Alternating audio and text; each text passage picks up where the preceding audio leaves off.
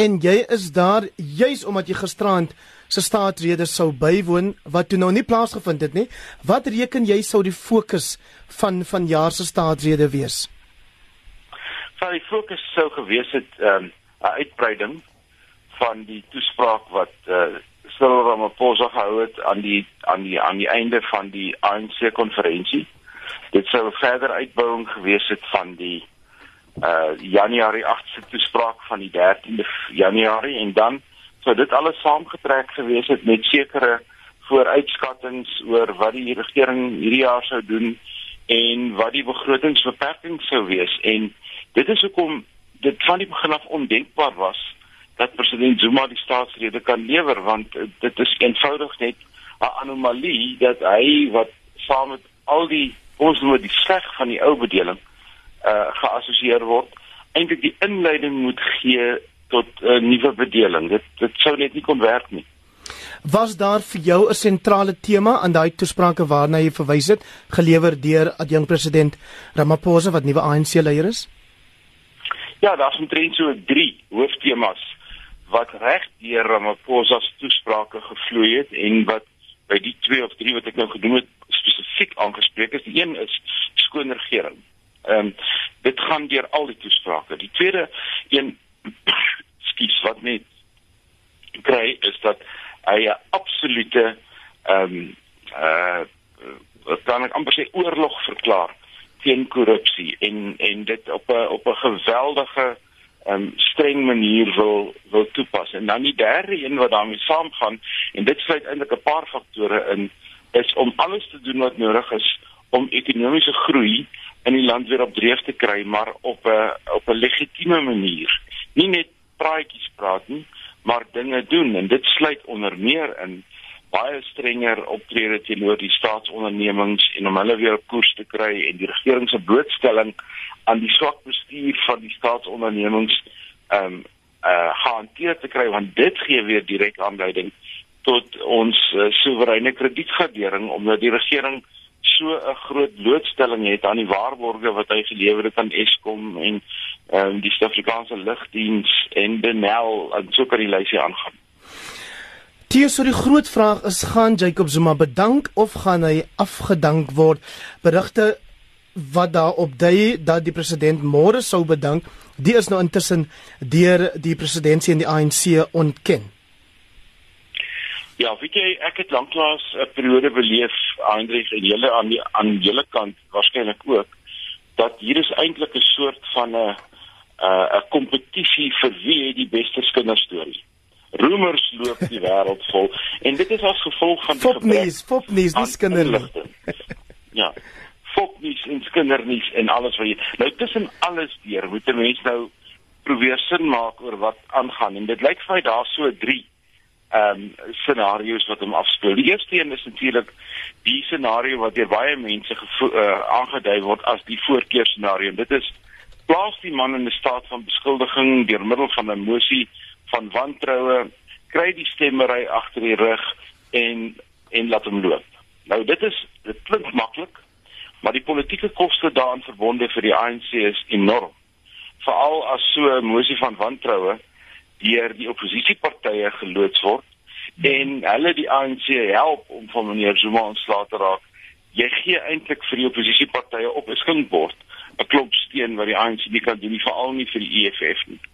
'n Tweede ehm um, opsie sou wees dat meneer Zuma deur die nasionale uitvoerende komitee eenvoudig net teruggeroep word en dat uh, hulle 'n soort van 'n bietjie die tweede proses volg. En nou Zuma is heeltemal anders as bietjie. Hy het nie met die vaardigheid en met die staatsmanskap wat bietjie vertoon het destyds. Uh, dit is net nie in sy DNA om so op te tree nie. En die derde opsie is dat daar 'n waardige uittrede onderhandel word en ek dink dit is presies waar die stelsel nou is en almal weet dat hy ehm um, een of ander tyd gaan loop, maar ek dink daar is 'n ongeduldigheid om te wag. Hoekom duur dit so lank? En daai ongeduldigheid kry ek in veral twee sektore. Ek kry dit in die media, ehm um, die media in sy breë. Dis asof die joernaliste elke dag wil weet, gaan hy nou loop, gaan hy nou loop en hulle kan nie langer wag nie. En jy kry dit veral onder die Cyril Ramaphosa ondersteuners wat nie eers wat nie 'n oomblik langer kan wag dat dit nou moet gebeur nie. As jy mens kyk na wat die markte doen en wat in die koöperatiewe wêreld gebeur, is daar 'n effense groter rustigheid. Hulle weet Zuma gaan loop. Hulle weet hierdie korporatiewe soort besluite neem 'n week of 3. Ek dink nie hulle is so oortuig dat dit môre moet gebeur nie. Hulle verdiskonteer die feit dat dit wel gaan gebeur.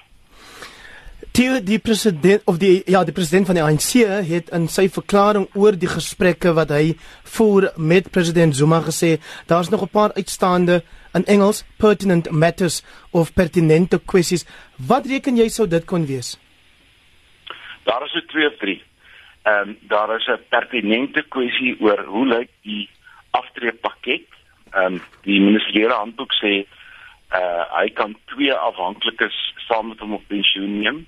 Ons weet hy het 5 vrouens. Um en en daarom daar rondom word daar tans baie gedebatteer hoe lyk hierdie aftreepakket van hom. 'n Tweede ding waaroor daar baie baie duidelik geargumenteer word is watter deel van sy regskoste gaan die staat voor pa staan en watter deel nie. Gaan ons betaal wanneer die howe sê hy is persoonlik aanspreeklik as president of gaan hy dit self betaal? Daaroor. En dan die ek dink die grootste brandnetel in hierdie hele ding. In die onderhandelinge blyk dit vir my het hy die etiese kaart baie hard getrek binne in die ANC geleedere die etiese kaart was maklik want soos jy weet omdat jy die konferensie ook bygewoon het het die top 6 bevat nie 'n enkele verteenwoordiger van KwaZulu-Natal mm. en gesprekke met die Zulu koning oor die laaste week of twee is deel van hierdie gesprek waarmee ons nou het. Ek weet verteenwoordigers van Cyril Ramaphosa is op die oomblik soos ons gesels in KwaZulu-Natal om te kyk hoe kan hulle in die verandering wat nou voorgestel word want as Ramaphosa oorneem moet daar natuurlik ook weer 'n nuwe adjunkpresident aangewys word. En dit klink vir my asof die onderhandelinge op die oomblik is wie uit KwaZulu-Natal sal dit wees om die om die vrees wat mense uit kom ons genoem die ding maar die naam die vrees wat die Zulus het dat hulle nie aan die topstruktuur van die ANC enige seggenskap op die oomblik het nie dat dit op 'n ander manier uh, ondervang word. En daar word vier name genoem. Die name van Zweli en Kize uh, die naam van ehm um, uh, Senzo Ntunu die persoon wat uitgeval het teen Ysmagashule en dan word die naam van Dlamini Zuma genoem. Daar is ook mense wat wil hê dat ehm um, mevrou eh uh, Sesulu ook genoem moet word as 'n moontlike kandidaat en dat die adjunkpresident die nuwe adjunkpresident onder Cyril Ramaphosa beslis 'n vrou moet wees en nie noodwendig iemand uit KwaZulu-Natal nie. Al hierdie goeders. Dis hoekom baie mense wat vra hoekom vat dit so lank? Wel, dis 'n matriks van belange. Hierdie is op sy beste wat mense in Engels noem constituency management. Jy moet nou die verskillende belangegroepe binne die party moet almal nou geraadpleeg word en ek verstaan dat selfs gister se toespraak by die nasionale uh, by die nasionale ag die die kokes van die van die parlement die ANC kokes wou Ramaphosa hulle nie in sy vertroue neem nie hy het vir hulle gesê hy kan nie vir hulle die detail gee nie want die vorige keer wat hy dit met die kokes gedoen het oor Eskom was daar binne daar lekker en toe weet almal wat is die Eskom besluit Hy gaan dit nie doen nie. Hy gaan eers die ding afhandel, dan sal hy terugrapporteer aan die top 6, dan kan die top 6 terugrapporteer aan die nasionale werkskomitee ja. en dan kan die nasionale werkskomitee terugrapporteer. So daar is 'n effense van 'n geheimhouding oor wat die detail is. En daar is ook die brokkie wat sê die een ding wat Ramaphosa glo aan die kokes gesê het is dat daar nie vrywaring teen vervolging vir Zuma aangebied sal word nie absoluut so. Ek het dit presies net so en dit sluit aan met daai goue drade wat deur sy vorige toesprake loop oor 'n onverbiddelike verhouding teenoor korrupsie en dat niemand verhewe is bo die reg nie. Dit is absoluut so. Toe 'n kort antwoord op hierdie laaste vraag. Ons weet dat toe president Mandela wou hê Ramaphosa moet by hom oorneem as ANC-leier, was deel van sy beweegrede dat dit nie moet lyk of die Kossas die leierskap oorheers binne die ANC nie. Nou na aandering van jou vorige antwoord klink dit dan nou of jy sê die Zulus reken hulle het geboortereg op leierskap binne die ANC. Ja, daar is so 'n houding, maar jy sien nou onthou die rede hoekom dit nou genoem word is um, met die verkiesing van die top 6 toe Dlamini Zuma nie gekies word nie en Senzo Ntsuno nie gekies word nie, is daar nie 'n enkele Zulu sprekende in die top 6 nie. Hmm. En dit bekommer die ehm um, die KwaZulu-Natal se leierskap geweldig. Ons moet onthou dis die grootste enkele ANC provinsie in die land. Ehm um, en daar moet spesiale sorg geneem word en dis wat op die oomblik gebeur dat die belange van KwaZulu-Natal uh, gehanteer word in hierdie onderhandelinge want hulle verloor Zuma. So hulle moet iets terugkry om hulle belang by die ANC ehm um, te bly ehm um, voortsit. Ehm um, so ek dink ek dink meeste mense sal besef hoe sensitief daardie belang binne die ANC is.